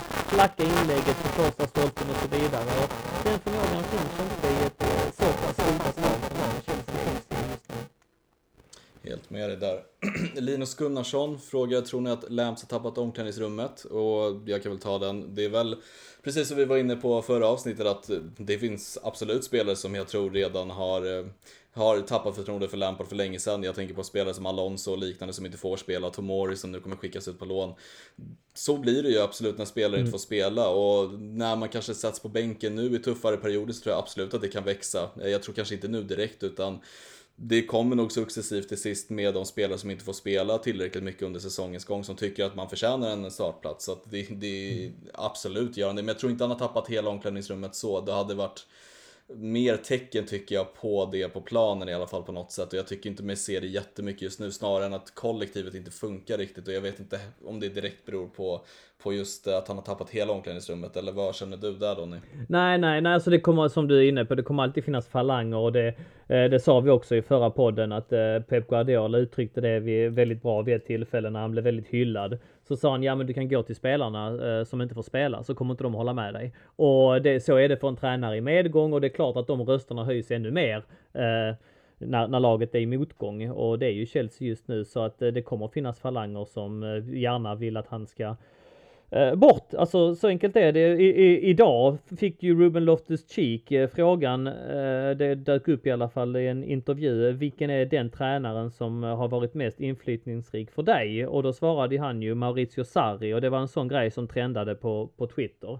För, och det är inte konstigt han säger det. Sarri gav ju honom jättemycket chanser och han spelade bra under Sarri. Och det, ofta är det ju så att de spelarna som får förtroende från sina tränare gillar ju de, de tränarna. Och jag tror ju ändå att majoriteten gillar Lampard. Han dels så roterar han ju ganska friskt, men dels så är många av de här spelarna som har kommit in Lampards värvningar. Det är uppenbart att han har haft med ett finger i spelet och i, i värvningen av Chilwell, i värvningen av eh, Werner, i värvningen av eh, Havertz, kanske också Thiago Silva. Men eh, att eh, han har varit eh, väldigt mycket påverkande och drivande i de här värvningarna gör nog också att de här spelarna kan tänka sig att stå ut med honom även om resultaten eh, vacklar lite grann. Som sagt, det får inte bli mycket sämre, men än så länge har han inte tappat omklädningsrummet. Eh, det är min bedömning. Mm. Om vi rör oss vidare till Dragen Grojoski som snarare skriver ut en åsikt än en fråga där han skriver hoppas Lampard får sparken annars ingen CL för Chelsea. Um, ja, och Donny har väl varit ganska tydliga med att vi inte ser att Lampard ska få sparken. Um, väl en åsikt som kan stå för dig. Jag vet inte Donny, har du någonting mer att tillägga där eller ska vi röra oss vidare till nästa? Nej, vi tar nästa igen. Mm. Anton Berg, vem ser ni som den mest logiska ersättaren om Lampard får sparken? Och där kan väl jag bolla upp två namn. Om vi leker med scenariot att Lampard kommer få gå så tror jag att Allegri och Tuchel är väl de två närmsta tränarnamnen som man kan komma med tanke på att båda inte rattar någon klubb. Du kommer nog aldrig kunna lösa en Hasse Nyttel under en säsong som det har snackats om. Du kommer absolut inte kunna ta Nagelsmann från Leipzig som går väldigt starkt i tyska ligan och dessutom har gått vidare i Champions League. Ehm, så att det är väl de realistiska namnen jag kommer på på rak arm. Har du någon annan du bollar upp som en kandidat om det nu skulle ske? Nej, det är, det är de som har nämnts i så fall. Och jag är fortfarande fast besluten om att jag tycker att Lampard ska vara kvar. Så att eh, jag vill inte tänka så mycket mer på det. Yes. Då har vi redaktionens alldeles egna Sofia Almroth som skriver Vad tror ni om att svackan till stor del beror på psykologiska aspekter när det kommer till lagets passivitet, beteende och aktioner på planen? Istället för att sparka Lampard, ta in en idrottspsykolog. Eh, det var första frågan och sen vad har ni för tankar kring Emma Hayes och damlagets långa streak utan förlust? Gårdagens vändning från underläge till vinst under gårdagen. Vi kan väl börja med första frågan Donny, idrottspsykolog. Vad tänker du där? Ja, man har sett prov på det längst eh, åren att eh, det, det har funkat i vissa lägen och eh, det är ju inte, det är ju inte ett recept för eh, eh direkt framgång, men eh, jag vet om att eh, Kjell Enehager i sina sommarprat har beskrivit många situationer där han har gått in och hjälpt fotbollslag och även individuella spelare att komma ur svackor. Så att det, det är mycket möjligt att det kan hjälpa. Jag är för dåligt insatt i det. Till syvende och sist så jag tror att det ligger mycket i att det ligger, att det finns, att det har satt sig i spelarnas huvud, att det har gått troll i det som jag brukar säga och att eh, det har, eh, att folk eh, övertänker situationer och att det har med dåligt självförtroende, att det finns en väldigt stor psykologisk aspekt att omfamna i hela den här krisen. Så absolut, det, det kan vara en väg framåt. Ja, och jag kan bara flika in det. Jag tycker absolut Sofia att man, man ser tendenser i psykologin på planen i alla fall hos spelarna att det är tungt just nu och att det är mm. mycket slänga ut med armarna, skrika mot varandra och precis som Donny var inne på att Mendy är väl den enda egentligen personen man ser som kanske visar lite aggressivitet, att hålla mm. nollan och försöka bakåt och sen ser man Abraham slänga ut med armarna och inte få en passning hit och dit. Så att jag tror absolut att lite positivitet på något sätt oavsett om en idrottspsykolog eller någonting annat skulle hjälpa. Och tänker om Emma Hayes och damlagets långa streak utan förlust. Det är ju otroligt kul att se hur bra det går för Chelseas damer och jag tänker på likt herrlaget så är det ju en väldigt bra trupp. Emma Hayes basar över, jag tänker på Sam Kerr som man har som är en världsanfallare när man fått in Pernilla Harder. Och sen har vi ju också vår alldeles egna Magdalena Eriksson som har blivit uttagen till världslaget som mittback, vann eh, diamantbollen. Så att eh, det är ett väldigt bra lag som går väldigt starkt och det är ju såklart alltid kul att slå ut en av de största klubbarna på damsidan på en strafflängd, tror jag var mot United United eller City var det tror jag, i, eh, i, spark, i straffläggningen. Såg du den matchen förresten Donny? Nej, jag gjorde inte det. Jag har varit rätt dålig på att följa eh, damerna måste jag säga. Jag läser allting som Sofia skriver eh, såklart. Jag tycker det är väldigt bra att Eh, Eh, de får mer utrymme nu än någonsin tidigare. Jag tycker jag är väldigt stolt över att redaktionen med framförallt Sofia i spetsen har tagit ett eh, ordentligt grepp kring eh, damlaget i år och rapporterar väldigt flitigt kring det. Men jag har inte varit så bra på att se deras matcher. Verkligen. Nej men jag håller med. Det är jättekul Sofia, att, som har ett väldigt, väldigt brinnande intresse för damerna, skriver om det. Det är väldigt intressant att läsa. Och det är bara att läsa allting som skrivs på Svenska fans där vi uppdaterar dagligen också. Um, då går vi vidare till eh, Kristoffer Edenborg. Känns som fler spelare borde lämna klubben vid det här laget. Jag kan väl ta den. Jag tycker också att det är väl lite märkligt, men det är saker som händer ändå. Tomori kommer ju lämna till Milan. Jag tror inte vi kommer slänga ut någon mer mittback på marknaden. Jag tror eh, Lampard vill ha täckning där. Den enda spelaren jag sätter ett frågetecken för egentligen är väl Marcos Alonso, för han har ju inte en plats i varken truppen eller startelvan överhuvudtaget att göra. Så det är väl egentligen den spelen jag tänker mest på som kanske kommer lämna. Sen tror inte jag det blir några större förändringar. Vad, vad tänker du där Donny?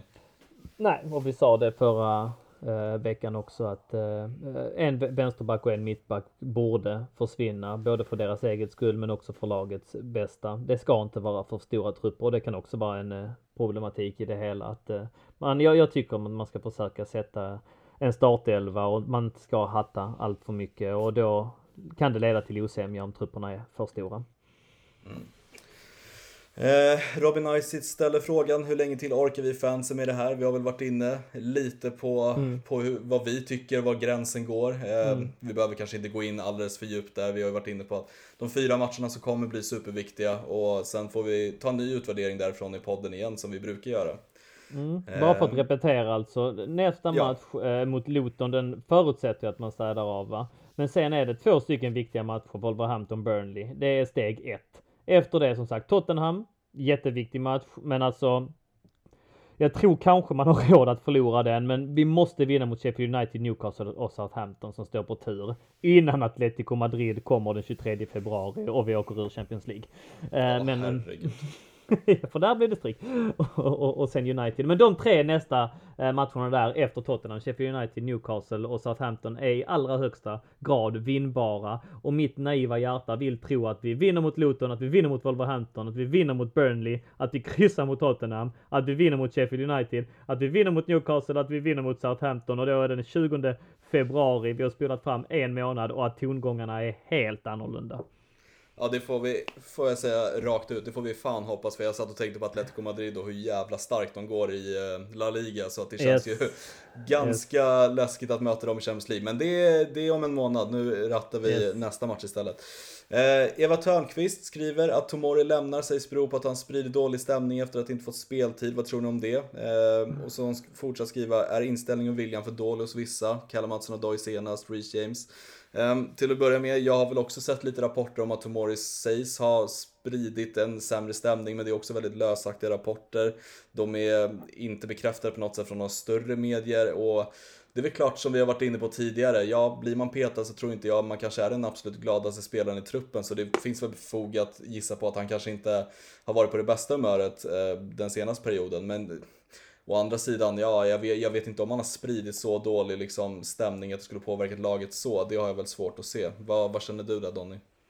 Eh, jag har faktiskt inte läst några sådana rapporter. Nej. De gångerna Lampard har fått frågan och sånt så har han ändå eh, eh, hyfsat tagit honom i försvar och, och sagt att eh, alltså skyllt på andra saker liksom att eh, det, det har varit kvalitet som har fått avgöra att då, situationen har blivit så helt enkelt. Men Eh, det är möjligt att, eh, att han har gjort eh, och det, det, är inte bra i så fall.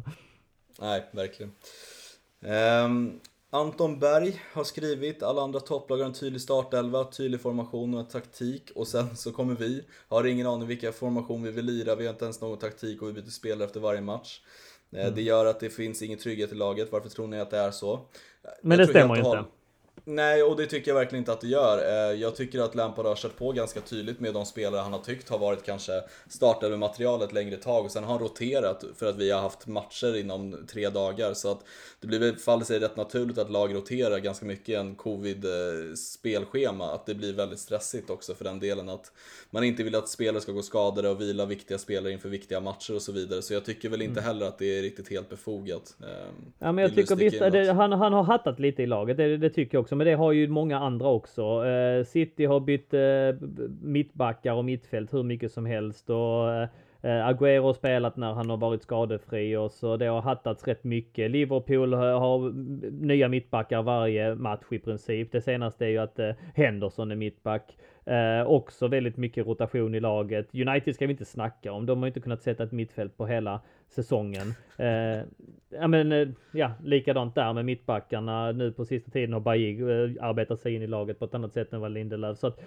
det är ju mycket corona och, och, skador och tajt matchande som gör det också. Det är nog inte så att alla andra lag på något sätt har någon satt startelva som det var kanske för 20 år sedan, utan det, det roteras rätt friskt. Med det sagt så önskar jag att Chelsea nog hade roterat lite mindre, i synnerhet i backlinjen som vi har sagt tidigare, men det behöver vi inte traggla om mer just nu. Men att de andra lagen eh, har varit sådana praktexempel att vi inte är det. Däremot så Någonting som jag ser hos de andra lagen, i synnerhet Liverpool och Manchester City eh, och i viss mån även Tottenham, det är det, här, det här med spelidé. Och, det, och det, det kan man ifrågasätta Lampard. Vad är det vi vill göra? Ska vi pressa? Ska vi ligga lågt? Ska vi kontra? Eh, ska vi hålla bollen på marken? Ska vi slå djupledsbollar? Ska vi slå inlägg eller spela mitt i plan? Där, där håller jag med. Där, där finns det ingen en tydlig linje eh, och det kan man se både på City, Liverpool och, och, och Tottenham att idén sitter på ett annat sätt än vad det gör hos oss. Och det absolut, det kan bidra till att eh, vi ligger där vi ligger just nu. Mm. Ehm, Kristoffer mm. Jansson har skrivit, eftersom ni kommer prata mycket om Lampard så ställer jag en lättsam och en mindre seriös fråga. jag vet att Donny ville lasta över den här till mig direkt och den tar jag gärna. Ehm, Vilka spelare i dagens Chelsea-trupp skulle ni vilja göra följande med? Och första frågan är då, sitta bredvid i omklädningsrummet. Alltså rent spontant så hade jag nog eh, velat sitta bredvid Kanté tror jag. jag. Jag är en sån människa som föredrar lugn när det väl är stressiga situationer eller där det är mycket adrenalinpåslag. Så jag, jag tänker att Kanté är nog ganska lugn av sig, sitter bara mest och laddar inför matchen och är rätt avspänd. Så att eh, Kanté hade nog varit ganska skön att, att hänga med där tror jag. Jag skulle nog säga Kanté på fråga nummer två också som är dela hotellrum inför en viktig match. Jag föredrar lugn, jag vill helst inte att någon ligger och snarkar heller för den delen bredvid mig. Då föredrar jag Kanté kanske ha som, som rumskamrat som kanske mest bara ligger och kollar TV, läser någon bok eller bara tar lite launa, ligger i sin, liksom, sitt träningsställ som man brukar gå runt med. Styra musiken i omklädningsrummet. Ja, jag vet inte vad de har för musiksmak egentligen, men känns det som att Antonio Rydiger snackar om att han gillar reggaeton. Han kan väl få pumpa upp laget inför matcher som, som det skulle behövas med just nu i alla fall. Bo tillsammans med. Känns som att hälften av de här grabbarna är några jag inte skulle vilja bo med egentligen, men eh, kan väl ta någon vuxen människa, någon som är lite äldre. Thiago Silva känns väl rätt uppstyrd, känns väl lite trevligt, familjärt. Får bli bjuden på brasiliansk mat hade inte varit fel festa med, där har vi ju några kandidater, men jag måste säga de två utlånade grabbarna. Ross Barkley och Danny Drinkwater. Det hade varit jäkligt kul att se en, en riktig rejäl pangresa i England med de grabbarna och få eh, vakna upp dagen efter och inte veta vart man är någonstans. Kanske ligger på någon trött liten Londonstation någonstans. Det, det hade varit något. Taxibilar, då... chips och bråk med ordningsvakter. Ja men exakt, och så är det bara att sticka hem till Sverige igen och berätta allt som har hänt för sin familj. Det, det, det hade varit eh, en underbar fantasi som jag gärna hade velat se gå i uppfyllelse. Och sen sista frågan från Samuel sa i, den här, i det här segmentet. Han fyller på med, inte våga lämna er bättre hälft med. Här har jag ett eh, ganska bra svar direkt. Jag vet att min, min sambo, jag satt och diskuterade med henne vem hon tycker är den the most good looking guy i Chelsea. Och hennes svar var ju givet, det var ju Oliver Giroud. Eh, så jag känner ju rent spontant där, han, han ser ut som en svärmorsdröm. Eh, det är väl eh, inte jättekul att se min sambo hänga med Giroud en dag, så att vi svarar Giroud på den. Och eh, om vi rör oss vidare till de mer kanske seriösa frågorna så har vi Lennart Bengtsson. Hur tycker ni att vi ska ställa upp formationsmässigt för att vårt mittfält ska bli mer delaktiga slash lyckosamma i spelet? Vad tänker du där Donny? Uh, det har vi väl berört va? Har vi inte det? Jo, alltså, jag tänker att det finns inte Defensiv mittfältare som kan ta hem jobbet är väl A och O. Det, det tycker jag att uh, vi, vi ska försöka uh, satsa på. Är det så att inte eh, Kante kan spela, är det så att det är uppenbart att Kovacic och Jorginho inte mm, axlar den manteln, ja då, då, då kanske det är läge att ge Billy Gilmore den rollen. Förutsatt att han mm. tar jobbet och, och verkligen trycker till i närkamperna med sina 65 kilon. Det ja. ja, det är något sånt. 65-67.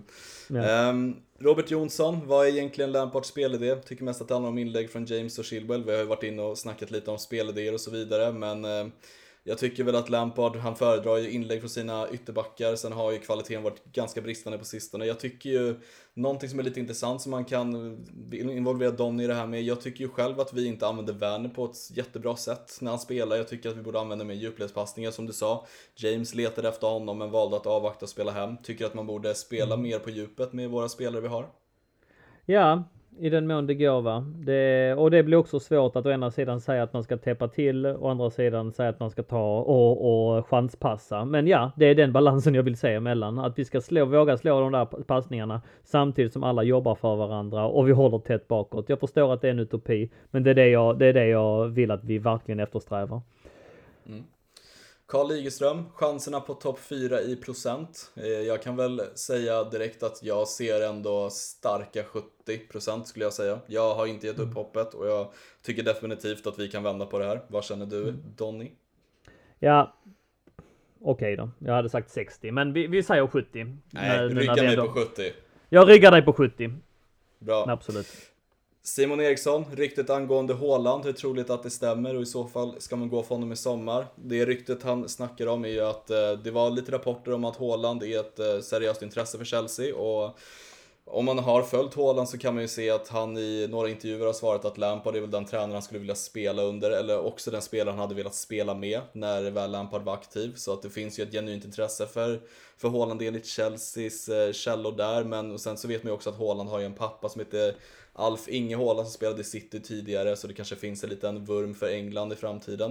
Eh, mig personligen, jag hade älskat att ha Haaland i laget. Jag tycker att det är den gris och den målgörare man skulle behöva i laget, lik Costa kanske. Vad känner du där Donny? Eh, alltså, Haaland kommer att lämna Dortmund inom de närmsta 16 månaderna. Förmodligen blir det inte i sommar, förmodligen blir det nästa sommar. Det sägs vara en eh, illa bevarad hemlighet att han har en utköpsklausul som kickar in då i, efter sin tredje säsong som då Raiola har förhandlat fram. Och det var en av anledningarna sägs det att United då inte valde att eh, acceptera för att man inte ville hamna i den situationen. Medan Dortmund tyckte att tre år med Haaland, ja då får det vara värt det. Vi köper honom för 25-ish miljoner pund och så den här utköpsklausulen eh, viskas det om är väldigt lågt satt. Den ska ligga någonstans på 70-80 miljoner euro. Det här är ingenting som jag har rotat fram själv utan det här har jag läst mig till och hört på även en Sky Sports podd. Ehm, så att, eh, att han, eh, om det är nu så att det stämmer så kommer han förmodligen inte lämna i sommar. För att eh, det finns ingen liksom mening med att komma in med ett bud och jag tror inte Dortmund släpper i vilket fall som helst. Utan, men däremot så kommer han kunna, som de beskrev i den här podden, sitta på sitt private jet tillsammans med Mino Raiola och eh, flyga runt och eh, överväga alternativ eh, sommaren 22. Och eh, så kan mycket väl vara fallet och i så fall så det är klart att det vore konstigt att eh, inte vara intresserad av en sådan spelare. Det håller jag helt och hållet med om. Eh, vi tar David Josefsson som får vara den sista frågan för det här avsnittet. Eh, det handlar lite om Roman Abramovic. Vad vet vi om Roman? Är han helt under isen? Har inte koll på honom, om han har gjort fler intervjuer och så vidare innan han blev bannad från England angående typ vad han tyckte om laget och tränare och så vidare. Ehm, jag har inte jättebra koll på Roman, jag har inte hört så mycket från honom på sistone heller. Har du några mer tankar om det? Vet du någonting där? Nej, nej, egentligen inte. Det är ju fortfarande krångel med hans eh, visa så att han eh, syns inte på matcherna eh, i, eh, i den månen. Alltså, det är ju uppenbart att han var involverad i somras och att han fortfarande bryr sig om laget och så, men eh, sen i somras har man inte hört så mycket så att det finns inte väldigt mycket att, att lägga till i den diskussionen just nu. Perfekt Donny, då är vi klara för idag. Hur kändes det? Det kändes bra. Eh, det var många frågor här i slutet så att jag hoppas att alla orkade eh, lyssna fram till slutet. Det blir alltid roligare då för oss ju. Men, men eh, eh, Stefan Haup eh, skrev också upp med podden nu. Jag ska ut och skotta snö. Det hade varit trevligt med ett falskt avsnitt för en timme sedan. Det ska redigeras, det ska klippas och eh, ja, det brukar ta sig sådär en timme om allting klaffar. Så att här under torsdagskvällen någon gång kommer den upp. Men ja, Håll dig till tåls, eh, Stefan. Jag tyckte att det gick bra, det var roligt. Eh, som vi sa här innan vi började banda också, eh, Kevin, så det är mycket lättare att engagera sig och skriva och stötta och podda när det går bra. Man måste ta sig lite grann i kragen när det går dåligt. Men alltså, avslutande ord från mig. Stötta laget. Ge inte upp. Jag vill också kritisera. Jag vill också låta reptilhjärnan styra och dra ölen i tvn. Men det tjänar ingenting till. Det bara bidrar till en ännu mer hetsk stämning. Jag tycker visst att man ska få kritisera så länge man gör det nyanserat. Jag tycker fortfarande att vi måste kunna diskutera och prata kring utan att bli uppmålade som plastsupportrar och glory hunters. Men försök sansa er mitt i allt detta. Så jävla illa är det inte. Det kan fortfarande bli en bra säsong. Det är absolut finns fog för kritik, men det här är ett giftermål. Vi älskar Chelsea. Vi ger vår partner tid att förbättra sig. Vi står ut och vi tar oss i kragen och stöttar laget även om det blir tuffa perioder. Och det ska vi fan göra just nu också. Jag har varit involverad i CSS så pass länge och det är alltid lättare att stötta laget i medgång. Men ändå så sitter vi här när vi har förlorat fem av de åtta sista ligamatcherna och spelar in podd. Inte för att det är skitkul att spela in podd just idag. Nej, men det är för att vi stöttar laget och då får man falla tillbaks på det. Och då är det i alla fall en trygghet. Så kom igen, ta er samman där ute.